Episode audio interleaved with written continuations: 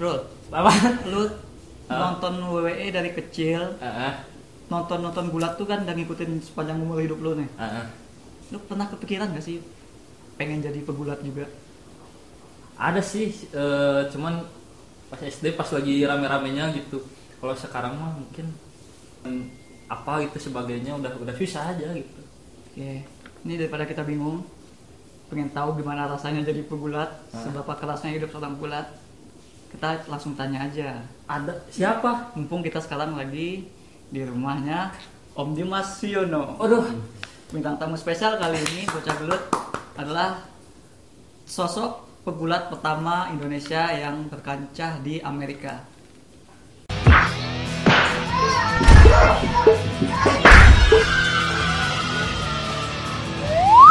Keren sekali kan?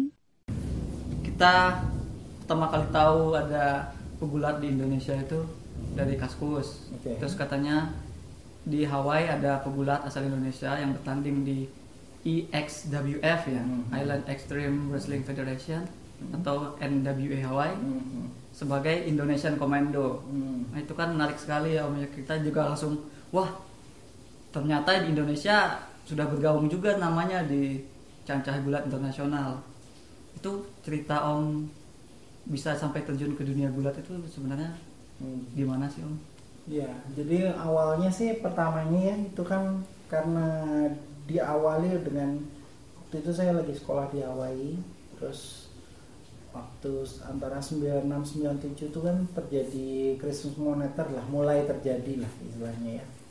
Jadi antara 97 98 tuh memang masa-masa kita yang sebagai perantau waktu itu agak berat lah istilahnya dan di situ kita membutuhkan istilahnya ekstra ekstra cash lah untuk waktu itu untuk uang tambahan lah untuk survive. Nah waktu itu saya eh, di 24 hour fitness tuh ada selembaran gitu. Mereka lagi apa try out lah wrestling try out. Gitu. Kita coba lah sama kok kita maksudnya saya coba waktu itu.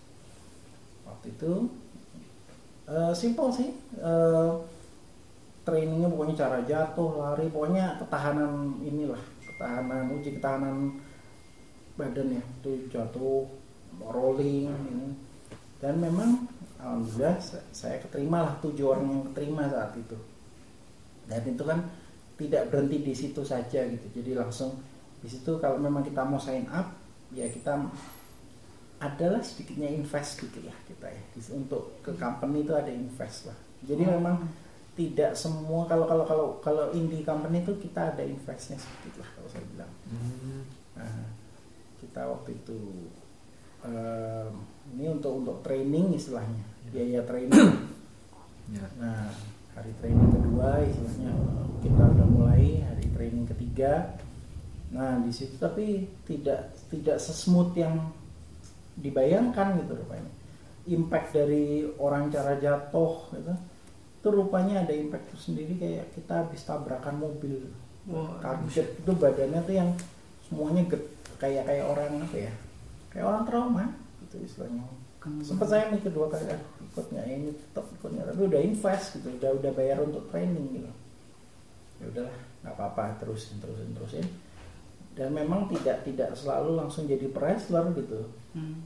Nah, jadi awalnya tuh kita sebagai yang istilahnya kalau kalau di sini tuh jadi OB dulu lah istilahnya Hmm, yang bawa bawa barang terus bantu-bantu di belakang ring istilahnya gitu terus setelah sudah agak cukup dalam training mulai kita jadi yang kayak pura-pura security atau uh, jadi referee paling paling terakhir sih biasanya referee kita.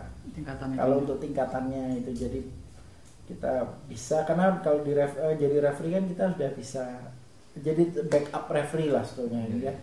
Jadi untuk di plak- eh, kita ngerti gimana pang eh, ring gitu cara ininya. Kita sudah tahu angle-angle-nya. Nah dari situ mulai nanti kita biasanya jadi bergulat gitu tapi kalau kalau di ini kita bicara indie promotion kalau kalau yang Hmm.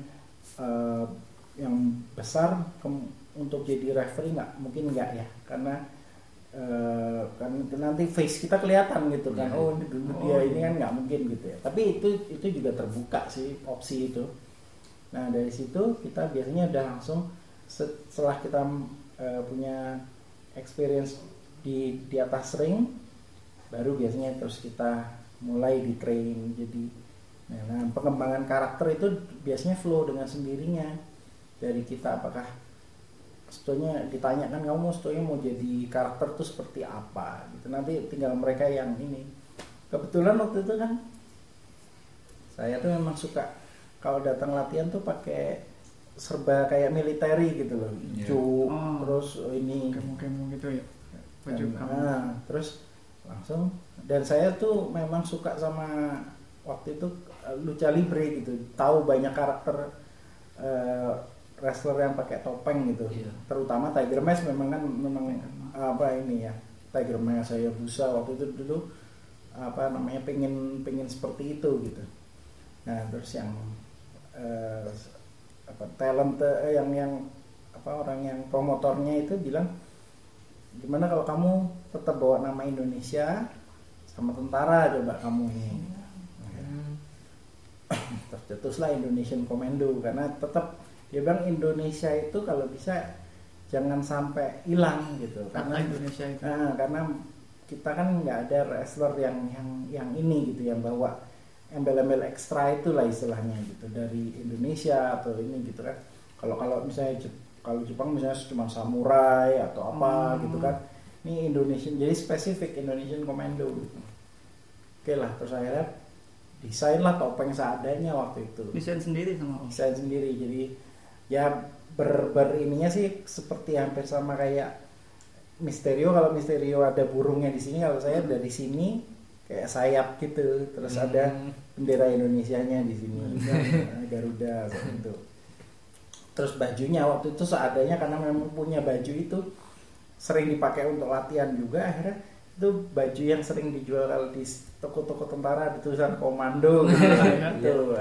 oh itu modifikasi dari kaos Nah, kayak gitu. gitu aja. Terus meningkat meningkat meningkat sampai akhirnya ada, ada baju tentara pakein bendera Indonesia. Itu om eh, ya apa Indonesian Commando eh, tahapan dari apa namanya dari yang kan tadi kayak jadi OB dulu Hmm. terus jadi ke tahu-tahu jadi wasit gitu Hmm. itu tahapannya lama sih Eh, berapa- tergantung berapa lama? tergantung bagaimana eh, se- segiat apa kita untuk latihan gitu Oh. dan dan mau meluangkan waktu kita untuk latihan karena memang eh, performance itu dilihat setelah bagaimana kita karena kan yang dilihat oleh mereka bukan hanya bukan hanya giatnya kita tapi attitude kita gitu. Iya iya. Kan. makanya kalau kita punya attitude nggak bener ya mereka mikir pasti dia akan menjadi seseorang yang kayak gitu juga gitu Iya, kan. biasanya sih cara pandang promotor tuh kayak gitu gitu. Kalau dia udah punya attitude pasti ke sananya dia akan akan akan berattitude terus gitu. Iya, iya. Kayak kalau yang itu yang saya tangkap dari ini ya eh, promotor kita saat itu eh, dia bilang kalau kalau kamu go with the flow aja pokoknya kamu latihan penguasaan semuanya sampai bisa dianggap Oh. ini siap karena kalau kalau tidak siap pun ya pasti akan merugikan show juga dong Iya, iya, nantinya benar. gitu kelihatan bohongannya Iya. bagaimana gitu jadi kayak melatih kedisiplinan juga iya gitu Hmm. gitu. oke oke background kita benar-benar siap sesiap apa sih kita gitu istilahnya Hmm. ya sama kayak main film lah kalau kalau acting kita udah bagus baru ya bisa ini lah Eh, gitu. berta- bertahap dari bawah dulu gitu Ah, ya iya. nanti ya, ya. sebagai Indonesian Commando itu sendiri Hmm. Om karakternya seperti apa apakah jadi antagonis atau Eh, waktu awal-awal sih masih sebagai face ya karena Heeh. karena Eh, perwujudan sebagai seorang superhero gitu kayaknya ya, pakai topeng gitu Hmm. istilahnya yang kayak ambillah kalau kalau bisa eh, ininya versi bagusnya kayak Captain Amerika gitu lah tapi ini Ah, Captain ya, Captain Indonesia Indonesia. gitu misalnya gitu ya. Jadi ada hero dari Indonesia gitu. Mau dijualnya seperti itu ya di bus dijualnya awal-awal. Cuman kan eh, nggak lama setelah nggak ya nggak ya cukup lama sih ya jadi tapi memang ada perubahan lah antara face heel kadang-kadang. Atau kadang-kadang memang, memang karena hardcore tuh kadang-kadang kita nggak tahu bukan nggak tahu apa posisi kita sebetulnya ada yang orang bilang dia jahat ada yang bilang dia baik gitu. tapi ya gitulah gitu loh. Jadi masih ag- agak kadang-kadang kalau saya lihat sih sebetulnya karakter saya lebih ke abu-abu jadinya gitu loh Hmm. tapi kena di hardcore itu Ah, tapi kalau kalau di antara fans setelah pertandingan gitu banyak sih yang nganggapnya baik gitu ya. Tapi setelah 9/11 itu mulai 9/11, ada oh. eh, itu Dalam Nah, yang mulai di karakter ini didevelop jadi jahat bahwa saya tidak merasa ada keadilan sebagai foreigner gitu sebagai Hmm. orang yang datang ke sini eh, di di apa istilahnya diberi opportunity untuk bertanding tapi tidak pernah dikasih belt apa gimana Ah. gitu. jadi dibikin karakter jahat dan sering waktu itu sih eh, karakter yang dikasih saya tuh nyabot pertandingan orang gitu jadi ada yang Oh. lagi bertanding gitu Ah. saya datang dibantu dari mana yang baiknya terus ini jadi kayak nyabot yang gitu. Jadi orang akhirnya terbentuk karakter jahat gitu. Waktu itu iya. Dan dan dari situ adalah yang eh, apa dari pemain yang misalnya udah di apa sempat disabot gitu nah mulai nyebut Osama lah inilah ini nih.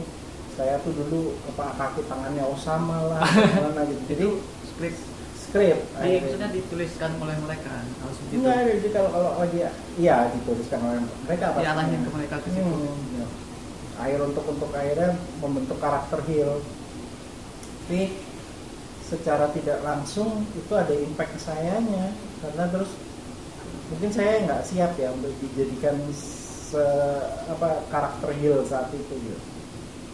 ada impact ke sayanya yang secara ini nusuk ke saya gitu. Memang kok saya dibikin jadi gini sih gitu ya istilahnya gitu. Tapi, tapi uh, sejalannya itu mulai apa 9/11 ini udah mulai agak reda. Di situ ada ada promotion baru namanya HCW waktu itu. Baru baru baru mulai Hawaiian Championship Wrestling. Mungkin karena saya jenuh di sini ditariklah saya ke sana Oh, pindah nah, cewek. jump ship lah istilahnya saya ke mereka nah di situ mereka tidak ingin lagi karakter Indonesian Commando karena dianggap um, pengennya karakter yang lebih unik gitu lah.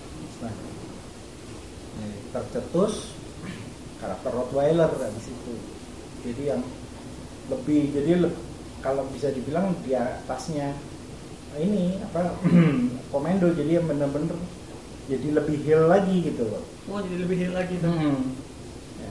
Dan itu segmennya lebih nggak jelas lagi sebetulnya karena apa? Em, bisa dibilang eh, karakter kayak manusia tapi di apa dibesarkan sama Rottweiler ya istilahnya gitu. Tarzan kecil jalanan. Hmm, terus dia apa istilahnya tinggalnya di jalan itu kayak kayak homeless gitu ya, jadi ya kayak gitu-gitu. Dan rata-rata pertandingannya jadi pertandingan unik akhirnya gitu. Unik seperti ya kayak backyard terus Oh, iya. Oh, bawa alat-alatnya jadi lebih ke hardcore gitu. Terus eh, yang menang misalnya apa yang menang atau ya eh, yang menang eh, apa ya waktu itu kita menang eh, apa ya saya lupa. Waktunya yang kalah tuh harus makan makanan anjing gitu loh. Tapi Oh, akhirnya akhirnya karena saya juga ini gitu misalnya Rottweilernya gitu. Jadi kayak kayak kalau Steve Austin iniin bir Bir, ini eh. kan iniin makanan anjing gitu gitu. Ya, kayak gitu gitu itu ke- kalau dari teknis booking bisa jadi apa namanya Rottweiler bisa jadi Amer, eh, Indone- sorry, Indonesian Commando. Hmm. Itu emang booking dari sendiri apa dari promotion? Nah, promotion. Dari promotion, Ya, Tapi kalau- talent promotion yang yang talent ininya yang di, di- direkturnya lah istilahnya yang Ah. uh, dianggap bahwa waktu itu kan Indonesian Commando selain memang tidak ingin dikaitkan dengan IXWF karena mereka uh, masih sebetulnya itu pecahannya IXWF yang kurang uh, apa yang yang berbeda gitu Oh. berbeda pendapat terus Ya. mereka bikin promotion lain gitu kan jadi eh, yang sini tapi masih respect gitu jadi nggak mau nggak mau ini karakter ini Udah nanti- khas punya- nah gitu yang dirubah ya kayak gitu Oh.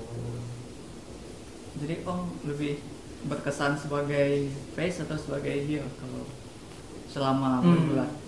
Eh, kalau secara sudut pandang kalau face itu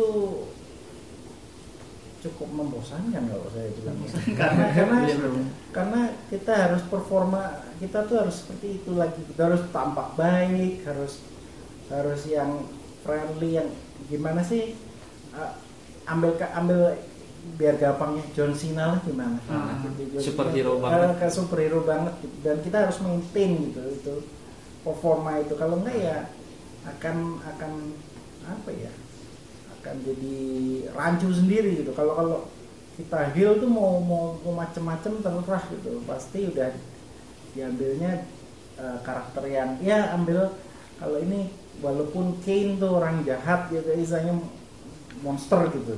Ya. dia jadi baik pun bisa jadi jahat lebih lebih ini lagi gitu. Jadi lebih bebas sebenarnya. Hmm, iya.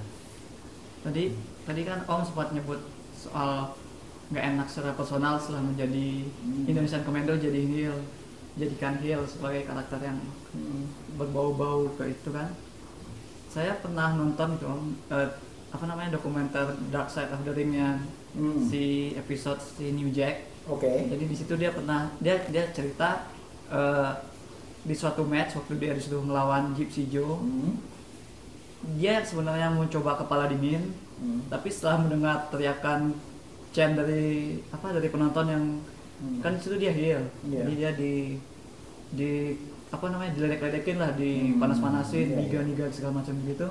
Jadi dia kena ke emosi dia sendiri, Hmm. terus itu pengaruh ke matchnya dia, jadi dia jadi Oh. brutal si Gypsy Joe yang udah Pasti. tua gitu Ah. dibantai sama dia habis-habisan terus dia Pasti. nyesel. gitu. Nah, karena memang eh, pengaruh pengaruh aura di luar ring itu memang sangat mempengaruhi ya kalau saya bilang Mhm. apalagi ada satu dulu event kita yang sering kita lakuin itu kita di Marine Base Corp istilahnya kita di eh, salah satu di night club bukan night club sih kayak klubnya para marinir di Hawaii Mhm.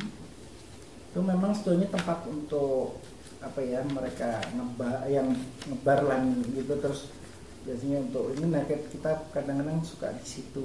Dan bukan kadang-kadang udah sering cukup sering kita di situ.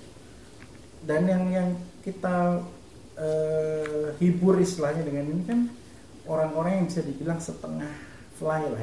Kan mereka sudah minum ataupun mereka dalam keadaan under under inilah alkohol gitu istilahnya. Jadi orang yang dan anak-anak juga jarang kan nah, itu ya. Mereka memang orang yang sedang dinas cari cari ini. Jadi refreshing nah istilahnya gitu kan di night eh, di night club di situ gitu. Dan memang eh, karena mereka under itu gitu ya under influence Iya. istilahnya pasti mereka ya melihatnya kayak sesuatu yang real ini kan gitu. Dan kita pun yang sebagai pemain juga harus bikin mereka hype up kan gitu. Nah itu yang kadang-kadang ketemu masa yang seperti itu. Orang yang bener-bener bisa kita jadi akhirnya berantem sama fans di luar ya dia dia ada mabok misalnya kita jatuh gitu terus ada yang lupain bir ke kepala kita gitu. Oh, pastilah itu ya. Jadi- pernah om itu kena gitu. pernah ya itu. Kalau kalau nggak misalnya kita menang dilemparin apa gitu nggak suka gitu dia nggak nggak cocok dengan karakter kita apa nggak suka gitu bisa apa pun kejadian. Nah itu mungkin terjadi satu saat itu. Dan memang kadang-kadang kita sebagai pemain yang harus kita ingat bahwa kita harus bisa membedakan di mana profesionalisme ataupun dalam bertanding Mhm. Nah, itu mana sih ini benar-benar kita bertanding apa dunia nyata? Itu itu kadang-kadang memang eh, susahnya dalam wrestler itu karena mung- mungkin kitanya juga karena setiap malam atau hampir setiap malam kita ini gitu ya. Jadi kayak bukan lagi kita sebagai performance tapi sudah jadi kayak gaya hidup gitu yang pukul-pukulan makanya banyak wrestler yang udah tahu move masing-masing udah udah tahu karena every night mereka kan ketemu gitu dalam dan hampir-hampir storyline yang sama gitu istilahnya. Ya, pasti terbawa gitu secara emosional.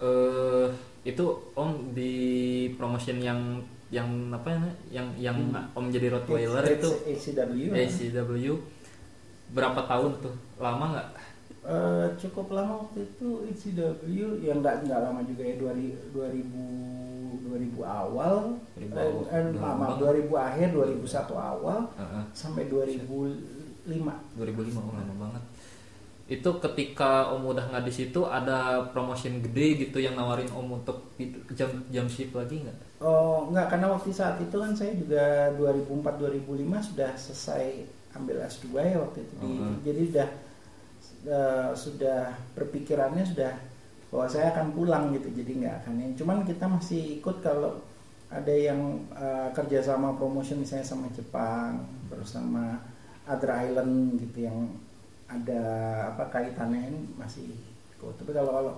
untuk promosi yang gede kayak WWE gitu memang sih kita pernah ikut berapa kali ikut tryout gitu ataupun Hmm, pernah ada dark match ya istilahnya dark yang match, ya.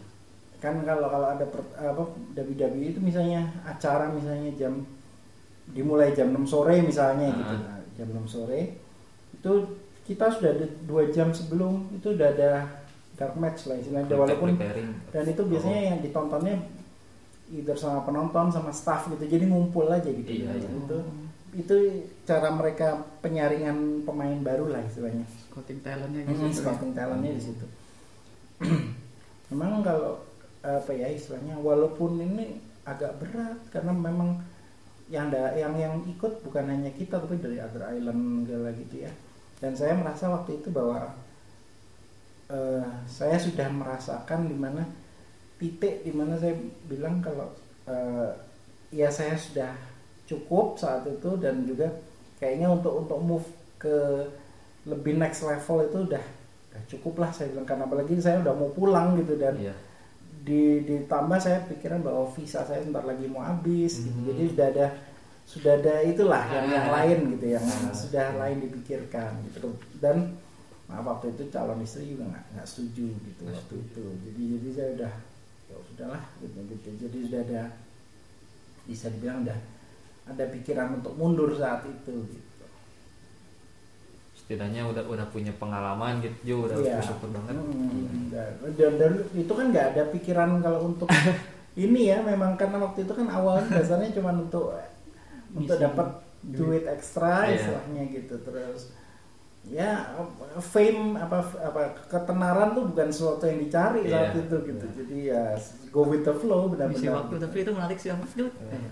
waktu om tahunya apa orang tua tahunya om kuliah tahunya ikutan wrestling itu Pernah- pasti pernah dapat Pak marah nggak sih? Kena marah? banget, banget. Dan itu yang lucu lagi.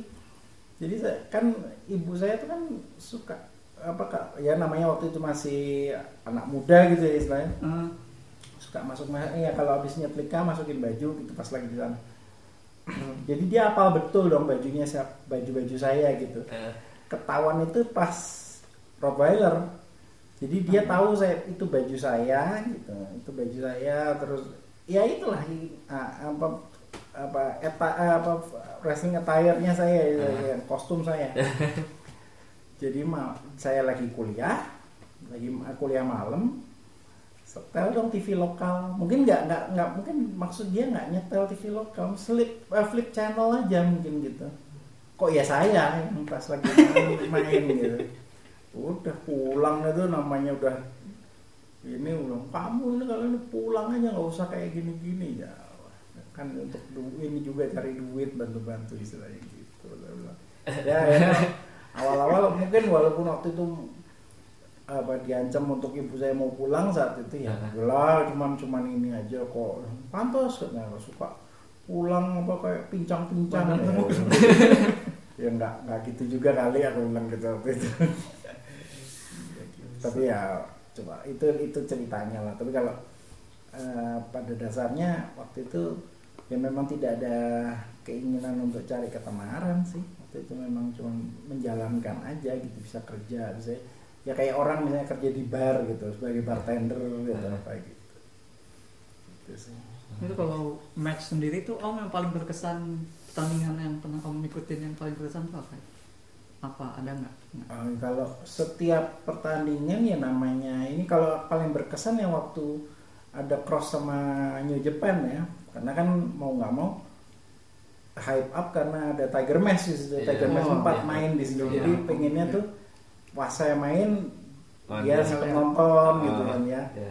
walaupun saya nggak terlepas dari itu waktu itu karena udah bawaannya semangat aja gitu waktu itu waktu itu soalnya ada Tiger Mask ada Jushin Liger ada eh, siapa ah, siapa ini yang yang wrestler Jepang nah, ini apa namanya Eh, NW Jepang waktu itu dia dia ketuanya saya lupa Apa, namanya Iya, bukan. Bukan. Yang kacamataan kumisnya gini kayak Yakuza itu. oh. Ah, lupa namanya. Ah, lupa lupa lupa Ya, lupa, itu. lupa. Nah, itu. Jadi kayaknya kepingin saat itu biar mereka bisa lihat punya ini gitu. At least talent kita di bawah sana dan memang tapi kita waktu itu sama Michinoku akhirnya lebih lebih ini bisa eh, bolak-balik gitu ya kita ada yang main di Michinoku ada yang ke, Taka sama Taka. iya Oh. gitu. Itu dari apa sportstar yang sekarang kayak dari WWE, Hmm. AEW atau NJPW Om pernah ketemu atau pernah match sama siapa aja sih terus yang Kalau yang waktu masa saya sih, yang yang pasti kalau dari kalau dari wrestling promotion Jepang sih kayak eh, ketemu Tiger Mask 4 ya, terus Jushin Liger ya, terus kalau yang muda-muda waktu itu saya kurang tahu karena saya sekarang nggak ngikutin apa eh, Michinoku nggak terlalu saya ini gitu ya, dan nggak tahu Michi- Michinoku masih masih ini nggak masih berkibar kayak dulu nggak ya istilahnya gitu. Eh, terus kalau kalau yang promotion ini karena saya ikutnya hardcore hardcore ataupun ini lebih jadi paling ketemunya dengan ya waktu itu yang sekali ber eh, ECW atau XPW aja jadi Hmm. akhirnya gitu. Nah waktu itu kan yang kalau waktu saya wrestling itu yang baru debut gitu kan kayak Lance Storm, Justin Credible gitu terus Buff Bagwell. Eh, kalau yang ini mungkin kalau yang bisa dibilang next levelnya itu kayak Perry Saturn terus Sabu itu kan yang udah di atas Hmm. atas tes gitu. Hmm. Tapi kalau sama tes saya sih nggak nggak pernah benar-benar ketemu gitu paling cuma ini aja nah. Nah terakhir itu waktu pas yang eh, wrestling invasion itu ke dari mainland ke Hawaii itu paling kayak eh, siapa 3 minutes warning Three Minutes Warning sama itu dua-duanya Umaga berarti. Umaga, Umaga. Wah, sebelum dia jadi Sama Umaga si nah, Hiroshi. nah, terus eh, AJ AJ Style Oh, AJ Styles. Hmm, terus itu Sabu juga datang ya kalau nggak salah aku karena itu kan kayak gabungan promotion gitu datang ke Hawaii ya itu sih Bret Hart Bret Hart Bret Hart. tapi Bret Hart waktu itu hanya bin- bintangnya sebagai legend aja datang jadi dia nggak nggak nggak wrestling tapi dia hanya sign autograph sama naik ring untuk Oh, Dia udah ada namanya gede sih. Iya. Gitu. Itu yang om pelajarin dari mereka apa sih? Ada nggak ya sih yang kelihatan dari yang menonjol dari mereka mereka itu? Eh, yang yang kalau kalau agak susah sih ya kalau kalau kalau dibilang mereka pasti kan punya ini sendiri ya istilahnya Hmm. punya cara sudut pandang yang sendiri tapi kalau yang saya waktu itu sempat terima kalau dari kayak AJ Styles dan segala ya bahwa kita harus bisa membedakan memang profesionalisme di ring sama di luar ring gitu Hmm. karena kalau di luar ring memang tidak seharusnya kita beratitude malah gitu loh. Kalau Kalau di kita luar beratitude di dalam eh di luar ring berarti kita sama aja juga apa ya kayak pakai topeng gitu istilahnya. Hmm. Jadi makanya eh, ya itulah membedakan kehidupan nyata dengan kehidupan di atas ring gitu. Karena karena memang rata-rata wrestler itu ada imbas yang mereka tidak bisa menyeimbangkan ini gitu. Art- arti atau atau makna kehidupan di atas atau ini sebagai contoh aja maaf saya emang kayak Chris Benoit gitu ataupun yang yang sudah meninggal itu ataupun ada yang masalah drug overuse eh, terus ada yang karena depression gitu. Itu kan memang mereka tidak bisa apa eh, bedakan dimensi membedakan. Nah, dan dan itu banyak wrestler yang seperti itu yang end up akhirnya kayak Jake the Snake Robert ya kalau saya bilang itu contoh paling konkret. Yang di mana anaknya sendiri jadi benci sama bapaknya karena bapaknya juga baik di atas maupun di, lu- di luar ring tidak bisa membedakan gitu loh jadi sampai sampai ada cerita kalau mungkin ada di ini apa di uh, behind story-nya tuh anaknya tuh me- melaporkan bapaknya ke polisi segala gitu loh dengan tindakan bapaknya yang yang ya tetap seperti tetap sebagai pem- karakter. eh, karakter gitu yang nggak bisa lepas dari karakter gitu. Bagi penggemar film, jangan lupa saksikan Festival Film Bandung 2020 live di YouTube bulan November ini langsung dari Gedung Sabilulungan Soreang. Karena ada lima film yang bersaing memperebutkan film terpuji, ada Gundala, Bumi Manusia, 99 Nama Cinta, Imperfect, dan Habibie Ainun. Jangan lewatkan keseruannya. Untuk info lebih lanjut, cek Instagram at Festival Film Bandung. Sebagai pegulat itu kita kita juga butuh mental dan juga butuh fisik ya om ya. Hmm. Jadi nih om misalnya nih kan teman saya dulu kan pengen banget jadi pegulat. Iya, Sekiranya dia pengen jadi pegulat tuh, pengen dia dia pengen masuk ke ring ngalahin Drew McIntyre. Sekiranya dia orang kayak ini langkah-langkah latihan yang perlu dia lakukan itu apa om? Biar jadi Ya, pasti pegulat. harus ini secara fisik harus kuat tahan banting juga secara emosional harus siap lah ya karena kehidupan di atas ring itu ya bisa dibilang bisa mempengaruhi secara tidak langsung ke emosional kita gitu. Apalagi Ya. Dari penonton gitu ya. Ya dari penonton dari kitanya sendiri karena faktor kita ambillah setiap malam ataupun ini ada pressure tersendiri yang dari mungkin visi kita capek tapi kita harus ini. Jadi mood itu pasti Iya. bawah-bawah apalagi ini kalau apalagi kalau misal kita sebagai istilahnya victim dari ster- steroid abuse Hmm. yang di mana mungkin dalam latihan sebelumnya ataupun kita dari peer pressure peer pressure itu yang yang kayak lihat teman kita mungkin lebih be- besar badannya kepingin jadi akhirnya kita ma- pakai uh, steroid yang berlebihan itu pun bisa jadi mempengaruhi secara emosional dan mental kita gitu. Uh, kalau kalau kalau apa ya sebenarnya sih ketahanan fisik ya karena kan kalau wrestling itu hampir bisa dibilang seminggu yang lima hari kita per- perform gitu pasti ada capeknya Itu gue bisa ngangkat-ngangkat orang-orang gede itu latihannya ya pasti ada ngapain kita om biar bisa kuat tuh. Eh, kalau kalau kalau faktor ngangkat itu kan istilahnya kita yang penting deadlift ya namanya itu kan kita banyak Hmm. angkatan berat itu. Memang sebetulnya perempuan kan pada kaki. Terus juga bagaimana badan kita apa istilahnya.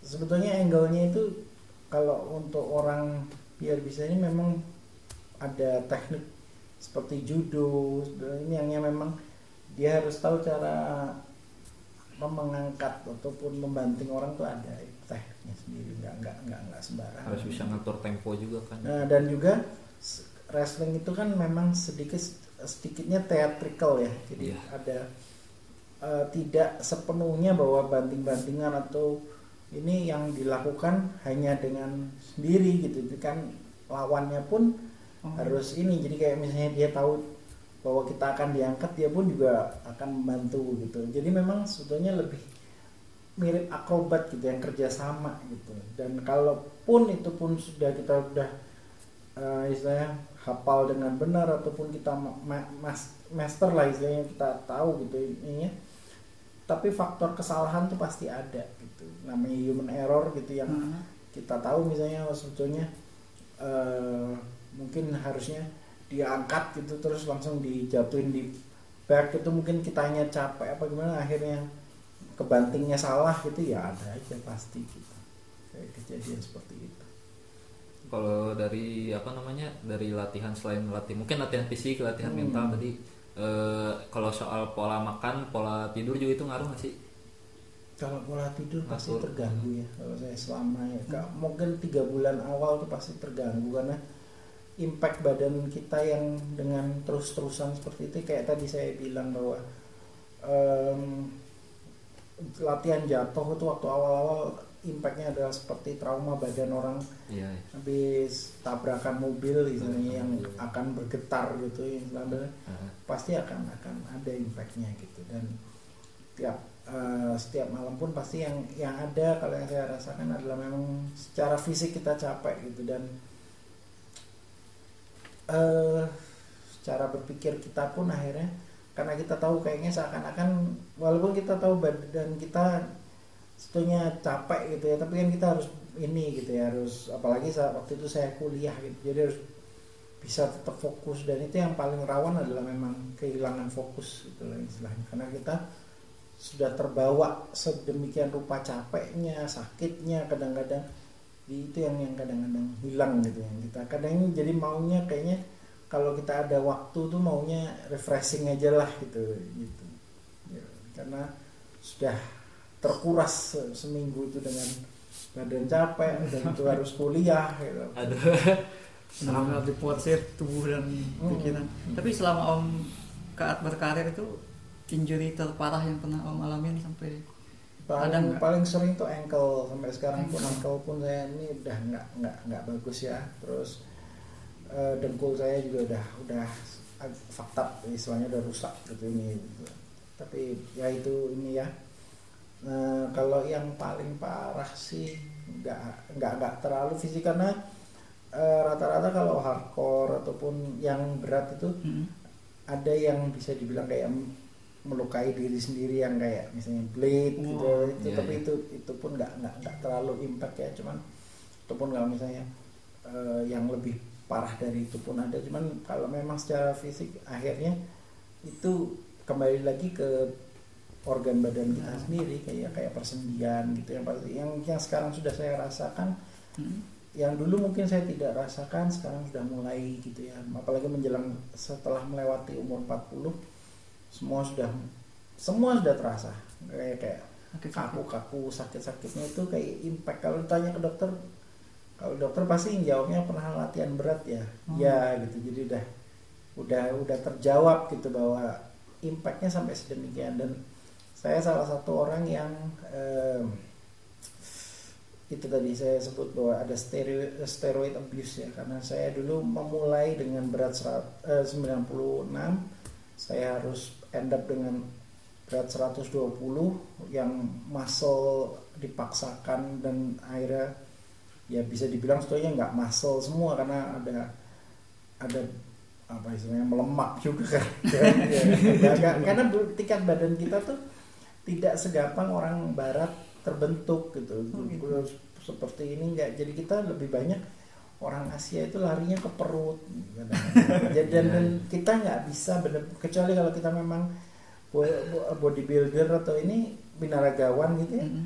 akan akan terlihat gitu loh ininya jadi kita kalau untuk orang biasa untuk ukuran orang Asia itu butuh dua atau tiga kali lipat lebih berat dibandingin orang Barat gitu untuk Oh. bisa mencapai Tubuh badan yang begitu. ah, iya gitu tubuh yang kolosal seperti itu iya jadi waktu itu jadi tetap bisa dibilang gedenya gede basah gitu istilahnya waktu itu. nggak nggak bisa yang lean sampai pahatan ya, nggak bisa. Dan eh, steroid abuse antara lain pernah saya rasakan tahun eh, middle 2002-2003 di mana mulai ganggu secara ini ya mood secara ini apalagi waktu itu saya juga tahun-tahun terakhir mau mau selesai kuliah itu memang mengganggu jadi bawaannya moody bawaannya bahwa kayaknya ke kesenggol sedikit kayak udah mau marah gitu ataupun.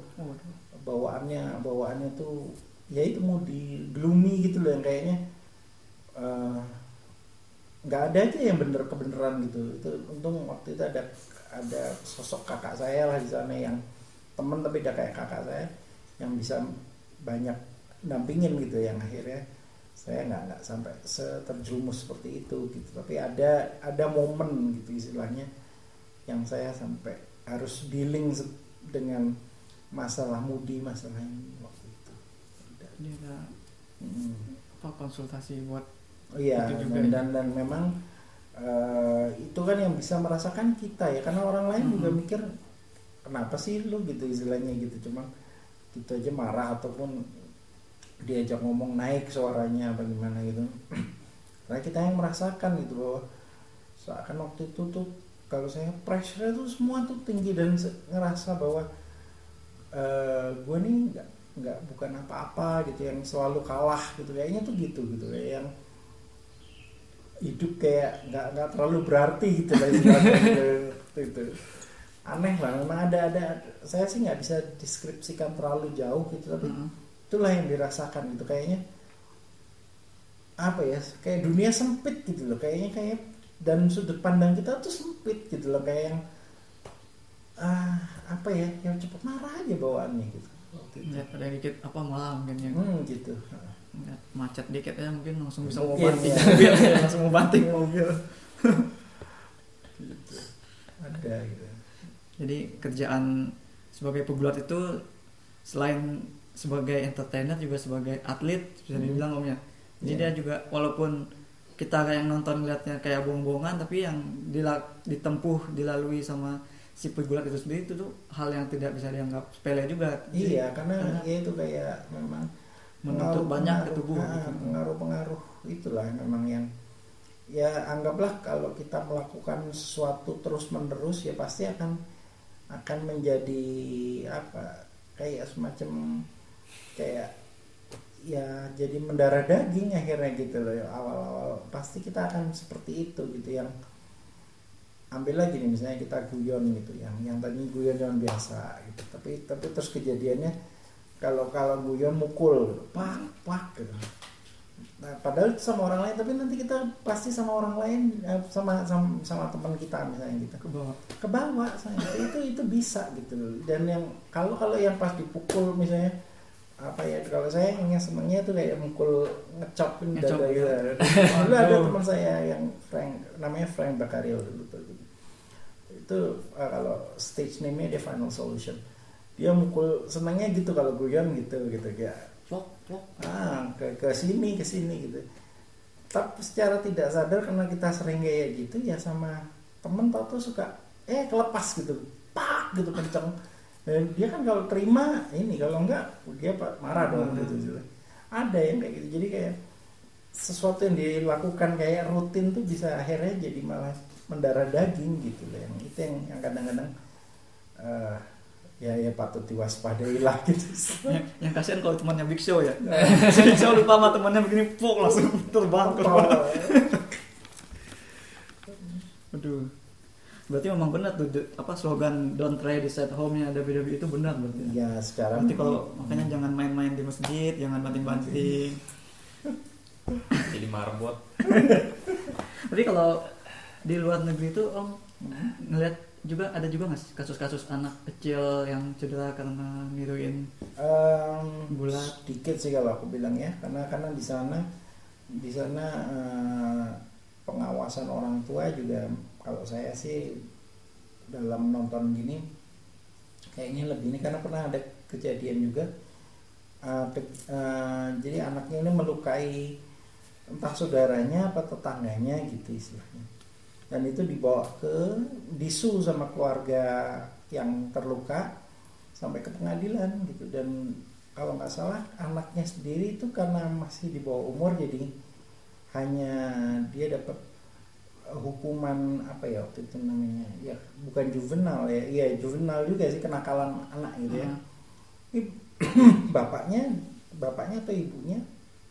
Ya kalau nggak salah bapaknya kena sanksi hukum juga. Harus melakukan. Ah, jadi jadi mungkin karena hal seperti itu mungkin lebih ketat ya kalau saya bilang ya cuman kalau di luar itu ka- kalau orang Amerika memang eh, bisa dibilang kalau sudah di atas bisa dibilang eh, udah masuk remaja mereka itu tanggung jawab mereka sendiri gitu jadi Hmm. sudah biasanya kalau yang udah eh, dewasa gitu saya kok nggak lihat ya ada kejadian yang ini gitu dan kalau kalau di Hawaii kebetulan yang saya tahu sih memang tidak banyak gitu yang yang memang mereka kenakalan kenakalan remaja gitu tapi mereka kebanyakan memang kalau orang-orang Hawaii itu rata-rata eh, mudanya tuh entah berselancar entah ini jadi nggak nggak nggak pernah lihat yang hal-hal merusak tapi memang ada kayak geng-gengan gitu ada tapi ya itu inilah cerita lain cerita lah ya kalau itu. Itu kalau stigma orang luar sendiri terhadap gulat itu gimana? Kalau di sini kan kayak sesuatu yang apa namanya itu bohongan apa Hmm. dipandang sebelah mata lah di sini kalau sama sih sebetulnya hampir sama karena mereka tetap ber, ber- apa, berpatokan bahwa this is sport entertainment gitu jadi sesuatu yang seperti halnya hiburan tapi yang sudah di fix gitu jadi mereka tahu ada yang tahu eh, bahwa ini bukanlah eh, pertandingan sesungguhnya seperti MMA ataupun ini atau tinju gitu enggak. Jadi mereka tahu bahwa ini adalah sudah fix. Kalaupun memang mereka enjoy ya karena enjoy mungkin dari segi cerita dari segi apa mengagumi gerakan-gerakan khusus atau kalau kayak apa ya misalnya mengagumi sosoknya kayak misalnya ngefans sama The Rock sama Undertaker gitu. Ya itu sih yang yang ini. Tapi kalau secara ini mereka pun tahu bahwa wrestling itu something yang sudah fix gitu ya. Tidak benar-benar gitu. Kalaupun kalau bener gitu kalau kalau kalau dulu mungkin masih banyak ya karena masih jam masa saya sa- 98 sampai 2004 itu yang benar-benar wrestling kan dulu tidak ada namanya mes, eh, sosmed gitu segala ya. Jadi hal-hal seperti yang kan kalau sekarang sering sudah ada bocoran nih kalau Iya, memang iya. kira-kira oh, ceritanya begini itu dulu nggak ada gitu. Jadi pasti orang masih mengira-ngira atau menduga-duga apa sih apalagi dulu eh, pok- eh, pionernya memang NWO gitu ya waktu itu ya. NWO Invade WCW itu itu benar-benar off guard gitu orang-orang yang wah apa nih kok kok bisa di take over gitu ya? Kayak gitu, dari segi cerita gitu ada yang ada yang bilang bahwa "Oh, ini real gitu ada yang ini kan karena memang waktu itu pinternya sutradaranya lah istilahnya mengambil momen saat itu nah tapi terus keluarlah attitude era segala itu kan itu perubahan lah perubahan dari yang tadinya world apa eh, istilahnya wrestling tuh kayak entertainment Mm-mm. terus jadi masuk ada attitude-nya yang s- jadi sekarang PG-13 gitu istilahnya Iya. Terus keluar yang kayak indie yang ECW yang lebih parah yang yang kayak gitu. Nah, terus akhirnya sekarang mengerucut lagi jadi yang sekarang ini gitu. Yang ya bisa dibilang eh, apa sport tapi juga ada ada alur cerita gitu ya kayak gitu jadinya. Lebih lebih lebih lebih nggak nggak nggak nggak raw kayak waktu jadi attitude era gitu yang boleh boleh apa eh, kata-katanya boleh kotor apa gimana Hmm. istilahnya gitu ya tapi memang me- me- me- ini sih me- apa namanya punya impact lah dari attitude era itu ke terbentuknya sekarang ini gitu. Iya kalau gitu kalau dari sisi pegulatnya sendiri ah kayak misalnya kan kita tahu di Hawaii ada keluarga dinasti Hmm. keluarganya Drog kayak apa Anoa'i family itu Hmm. itu secara itu mereka dapat status selebriti gitu nggak sih Om? dari masyarakat Iya, luar pasti, yang pasti.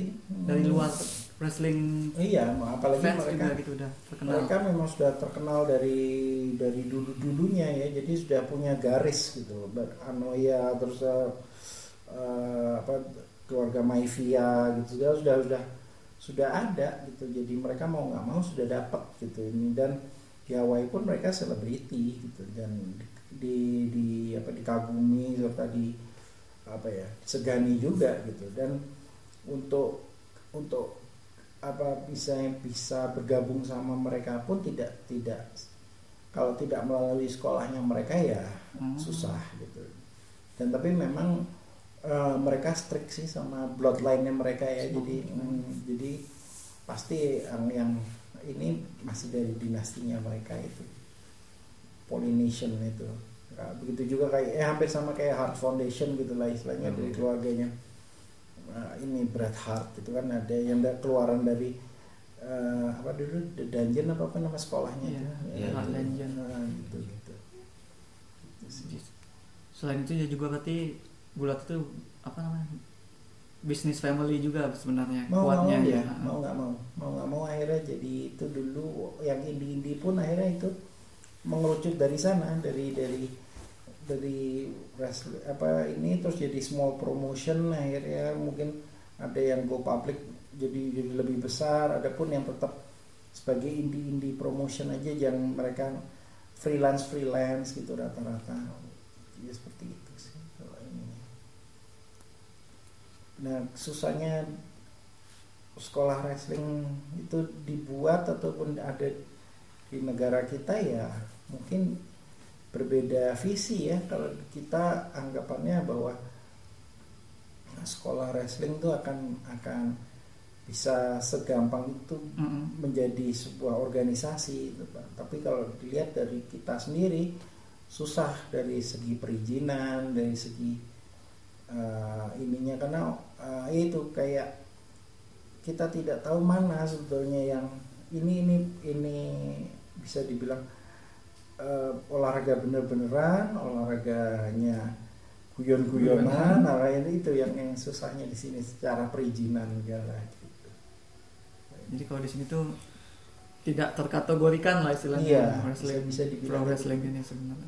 Begitu juga dengan acara TV eh, tadi mungkin kita udah bahas juga bahwa eh, dari eh, censorship juga bingung gitu mau ini kita eh, wrestling itu mau ditaruh di mana gitu kategorinya gitu Mm-mm.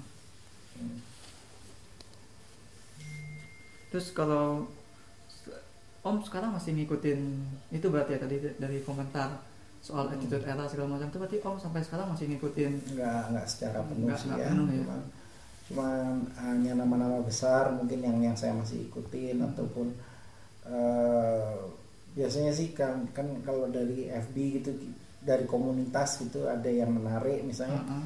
yang kemarin-kemarin baru eh, saya ikutin tuh kan adanya keluar karakter The Fiend gitu terus eh, ada keluar eh, misalnya Uso pecah gitu karena karena ini gitu cuman bloodline blood Story nah, bloodline. itu.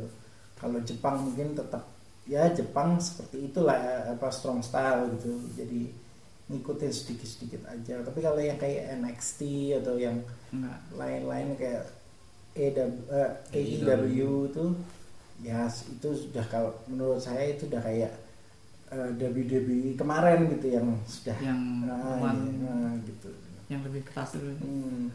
tapi secara pandangan profesional Om sebagai pegulat juga tuh, Om ada kritikan nggak sih terhadap atau ada pendapat gitu tentang perkembangan gulat itu sendiri ke produknya yang sekarang? Ke produk yang sekarang ya kalau saya sih lihatnya apa ya? Hmm, lebih apa ya? Sekarang sih storyline-nya juga karena se- secara global sekarang tuh kita lagi menghadapi sesuatu yang racist ya istilahnya menghadapi sesuatu yang eh, apa kayak sekarang kan lagi masalah karena ada pembunuhan orang kulit hitam sama polisi Black gitu, itu Mhm. segala tuh jadi sekarang itu hal seperti itu kadang-kadang memang rawan untuk diangkat gitu sedangkan secara natural di dalam menurut pengakuan-pengakuan dari mereka sendiri bahwa rasisme stereotip itu kan terjadi juga di di locker room gitu ya Hmm.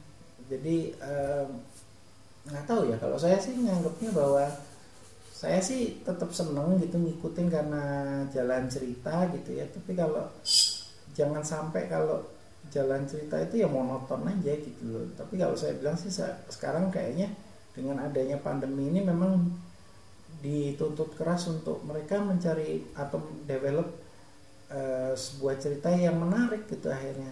Dengan kemarin kalau nggak salah ada ada kalau di WWE ada faction baru atau apa yang apa sih Hard namanya? business hard business bukan yang MPV ini nggak yang yang retribution Ah, ah, kalau nggak salah ya retribution ya Retribution. atau apa itu yang baru-baru lah gitu nah Hmm. kayak nah eh, cerita ya sebetulnya kemarin sempat menarik saya untuk nonton lagi itu kan adanya eh, karakter Finn ya dari siapa nam- keluarganya namanya? Rotundo nah, Rotundo nah, itu.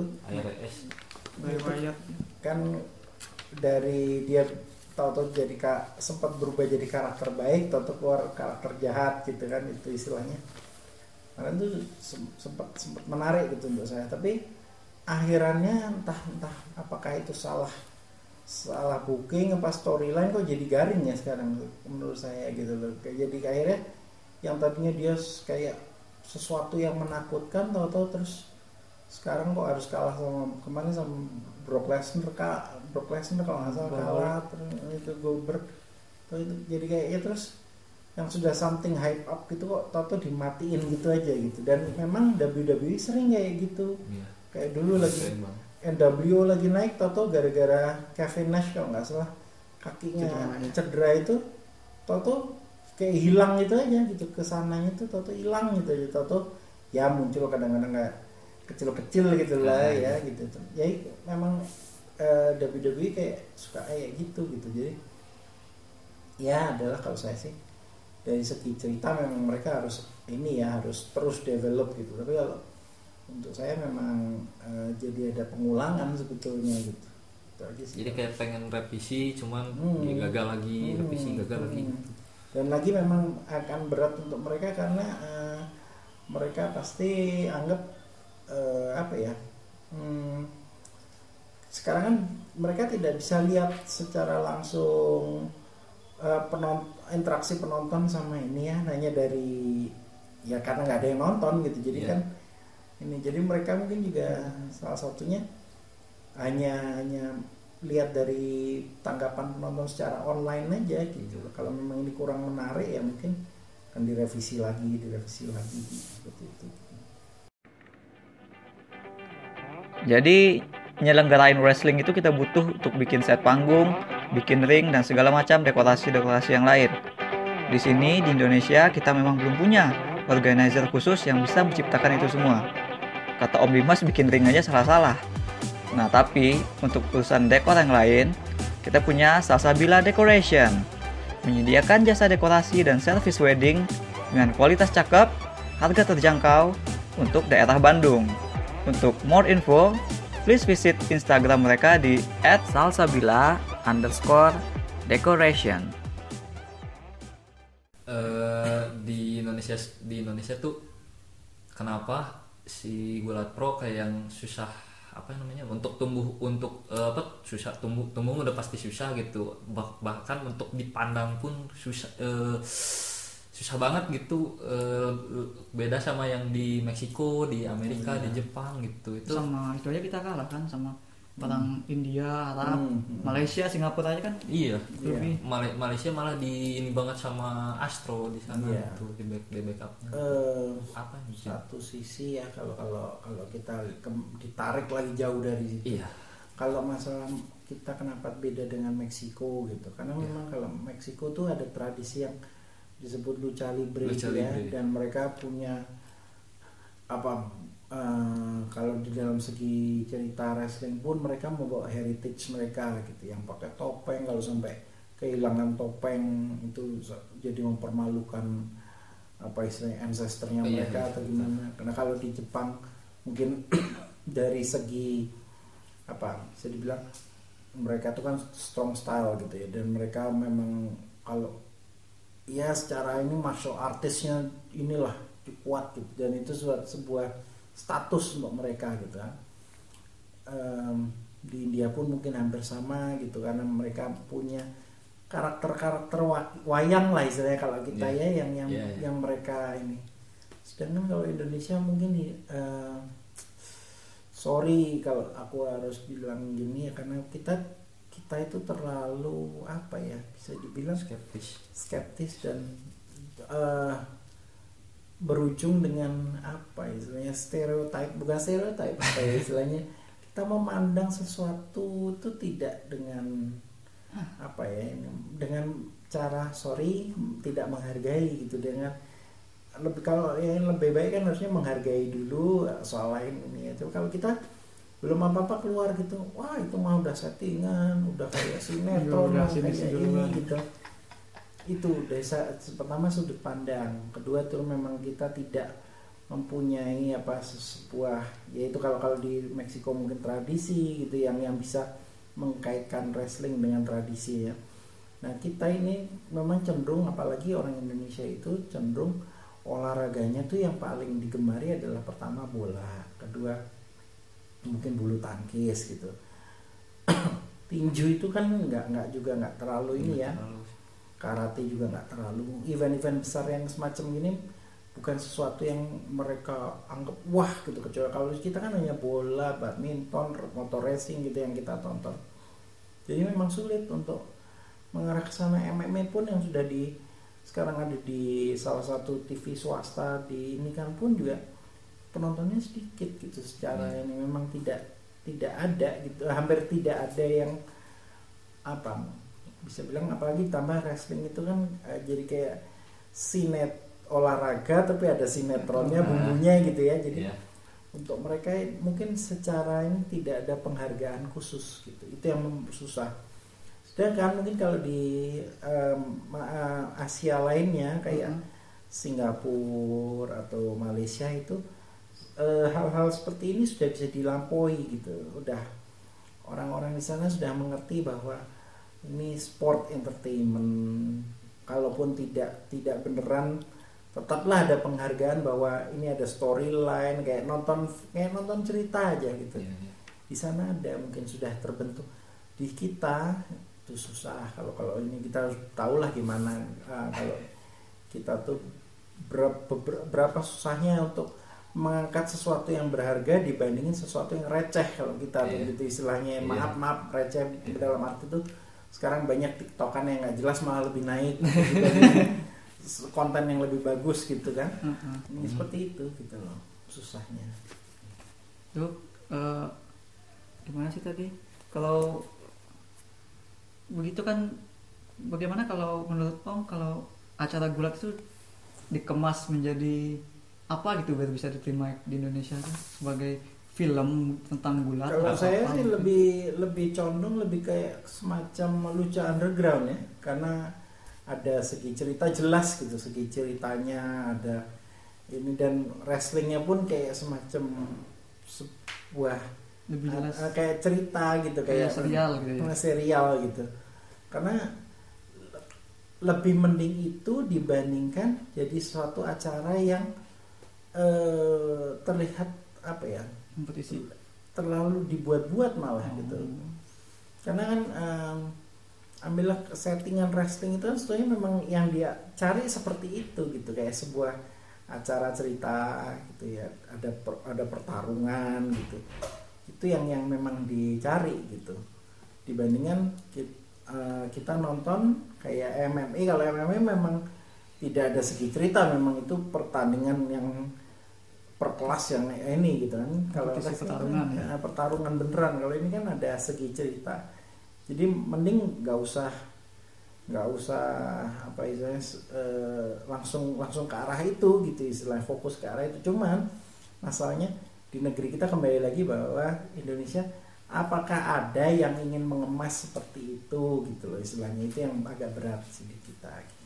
apanya masih peluangnya belum peluangnya kelihatan ya ya? belum ada. Dan memang kalau kelemahan eh, kelemahan kita orang Indonesia ya apalagi kalau lihat segi eh, TV gitu siaran TV itu dari segi storyline tuh sorry gitu eh, kurang bagus gitu kadang-kadang memang terlalu maksa kadang-kadang gitu. Itu yang yang berat sih. Memang kita tidak punya seorang yang bisa eh, sinetron kita lah sebagai contohnya. Nggak ada yang benar-benar sinetron itu mempunyai storyline yang bagus benar-benar bermakna berisi gitu itu mungkin seperti itulah gitu. Dan dan wrestling ini kan memang eh, punya cerita dan eh, yang kalau saya paling contoh konkret yang eh, para eh, fans wrestling pasti eh, itu be- berinnya pada film eh, lucha underground ya saya bilang ya paling paling inilah Paling cocok paling cocok ke kalau di Indonesia bertanya-tanya. sebetulnya iya kalau menurut saya gitu kalau misalkan eh, apa namanya di kan eh, mungkin sekarang juga orang-orang yang suka pada nonton TV udah jarang gitu Hmm. apalagi yang generasi muda gitu Hmm. nah kan kalau misalkan si pro wrestling ini mau dibikin bentuk series gitu Mhm. mau terus ditayangin di platform di YouTube apa di mana gitu kira-kira bisa benar-benar menju eh, apa namanya mengangkat lagi si pro wrestling di Indonesia saya saya sih rasa apa pun itu bisa ya eh, eh, tapi harus dikemas dengan benar tidak Iya sih. tidak hanya tidak hanya setengah-setengah ataupun apa adanya pasti ya akan akan ini gitu. Tapi semua yang kalau dilakukan benar sih ya insya Allah sih saya sih masih lihat ada gitu. Cuman eh, ya seberapa willing sih kita gitu untuk untuk ini. Tapi kalau kalau saya menurut saya sih kalau memang juntrungannya lebih itu ke ke arah sana ya sebetulnya kita walaupun membutuhkan apa istilahnya eh wrestler-wrestler yang baik atau muda gitu ya pasti tetap profesionalisme yang kita cari karena betul. dia tidak tidak hanya berakting saat itu tapi dia juga harus perform sebagai akrobatik istilahnya Iya gitu. betul sih benar-benar. Benar. Jadi tadi kan Om eh, selepas menekuni karir sebagai pegulat Hmm. sempat buka usaha kuliner. Hmm. Terus tadi juga Om bilang mau buka sekolah wrestling tapi nggak bisa di sini karena Iya. tidak memungkinkan. Nah terus sekarang kita mau saya mau berandai-andai gitu. Hmm. Seandainya nih ada acara wrestling di Indonesia, Hmm. menurut Om artis Indonesia apa selebriti Indonesia sekarang yang cocok jadi pegulat siapa? Yang cocok jadi pegulat pastinya ya kalau saya ya yang Yang punya atlet-atlet laga mungkin ya, yang Uh-uh. eh, bukan atlet laga maksudnya yang Punya background. punya background Bela diri. laga ataupun kalau saya sih kalau untuk segi menjual Heeh. hanya pun berapa segmen nah, eh, ini mungkin pakai Deddy Kobuzer misalnya Udah badannya udah kayak gitu. drop gitu ya. Ya, kan. dulu mungkin ada ada itu siapa yang binaragawan eh, yang yang yang gede dulu kalau nyanyi bawa pakai barbel Agung- Agung Hercules. Itu Hercules mungkin dia gitu tapi ya itu kembali siapa? lagi ya si Tigor apa? nah Si itu Tigor. mungkin ya Tigor bisa Om Tigor. Tuh. Ada lowongan. Iya, tapi ya gitu kembali lagi memang yang dicari adalah seseorang atau sebuah karakter yang bisa selain berakting dia juga mumpuni dalam at least setidaknya dia bisa ber- punya bela diri gitu karena memang eh, Wajib itu ya. Hmm, wajib dan dia tahu cara jatuh saya setidaknya dia punya background tentang wrestling lo tahu gitu apa move move wrestling sih ya pasti bisa sih. Insya Allah ya. Nah, kalau secara seriusnya, secara profesionalnya, Om sudah ada generasi penerus nggak sih di karir gulat sendiri dari orang ini Indonesia? saya tidak mencari ataupun tidak tidak ada ya kalau menurut saya eh, penerus untuk kalau saya dari saya sendiri tidak ada karena saya juga maaf saya tidak merekomendkan gitu kalau untuk ini karena eh, saya tahu beratnya gitu per ja, eh, yang menggeluti ya istilahnya ya. Kalau kalau menggeluti wrestling gitu ya, tapi kalau kalau dari tempat lain mungkin saya sih udah lihat beberapa ada yang dari di Australia ada mungkin yang berdarah Indonesia. Saya bilang berdarah Indonesia bukan Indonesia. bukan full Indonesia atau orang Indonesia yang di sana gitu. At least dia sudah ini. Tapi itu pun juga apakah mereka membawa nama Indonesia saya tidak tahu, Tahu. Dan eh, apa ya kalau saya bilang ya nggak nggak semudah itu sih ya. Karena memang itu tadi faktor memang ada ada dorongan dari prom- promotionnya sendiri apakah kita bawa nama Indonesia atau enggak itu kan memang dari segi storyline-nya mereka itu sih kalau saya sih ya Eh, pesan-pesan buat yang pengen menekuni pro wrestling atau gulat pro gitu, Iya. tapi masih bingung jalannya ke mana itu kalau ada ada. kalau saya sih setiap kali ada yang bertanya gitu saya bilang kalau memang dia punya sekarang kita kita bicara bahwa eh, pasti dari segi dana ya karena kita memang sekarang eh, gula eh, sekolah gula itu kan ada yang paling dekat tuh mungkin Singapura sama eh, Malaysia. Malaysia atau Australia tiga ini yang yang paling kalau memang mereka punya kesempatan silahkan dicoba tapi ya tidak segampang yang kita ini kan ya karena di sana pun eh, mereka harus menjalani apa pro eh, training ataupun eh, eh, proses yang cukup panjang gitu untuk menjadi seorang eh, istilah top wrestler gitu. Saya kebetulan eh, beruntung saya memulainya di Hawaii di mana Hawaii itu adalah melting potnya Amerika gitu dan memang dekat sama Jepang jadi punya kesempatan-kesempatan ini ya.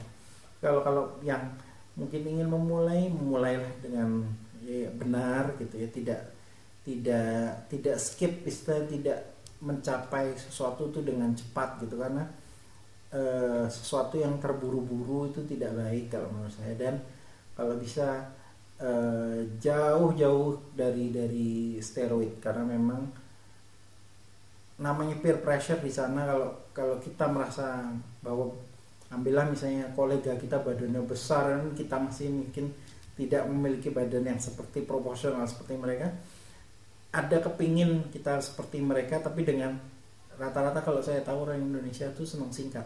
Kalau yang saya tahu. Maaf maaf. Saya, karena saya sendiri pun gitu itu yang saya rasakan.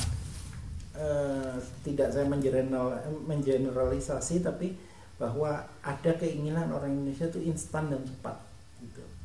Dan itu itu saya eh, saya terasa di saya karena memang peer pressure saya waktu itu adalah teman-teman saya yang lebih besar lebih ini badannya dan saya harus ini saya terjerumus ke arah sana pakai steroid. Nah kalau bisa dihindari karena memang sudah tidak lagi hmm, apa itu itu akan lambat laun akan merusak gitu. Dan saya pun sudah tadi mungkin kita off the record tadi sudah bicara gitu bahwa sudah banyak sekali imbas yang saya terima sampai sekarang dari olahraga keras wrestling. Tapi kalau memang mereka ingin untuk jadi wrestler kenapa tidak? Gitu saya didukung saya dukung gitu. Tapi itu ingat itu dan kalau bisa stay humble lah. Nggak nggak. Kalau nanti suatu saat sudah jadi seseorang ini tetap apa humble tidak tidak tidak arogan gitulah istilahnya. Karena sebetulnya sih chances untuk jadi wrestler ataupun seso, se- seorang karakter ini ya kalau olahraga yang memang masih jarang tuh sekarang nih sebetulnya waktunya karena sosmed itu begitu kuat sekarang. Sedikit aja dimention itu bisa cepet gitu.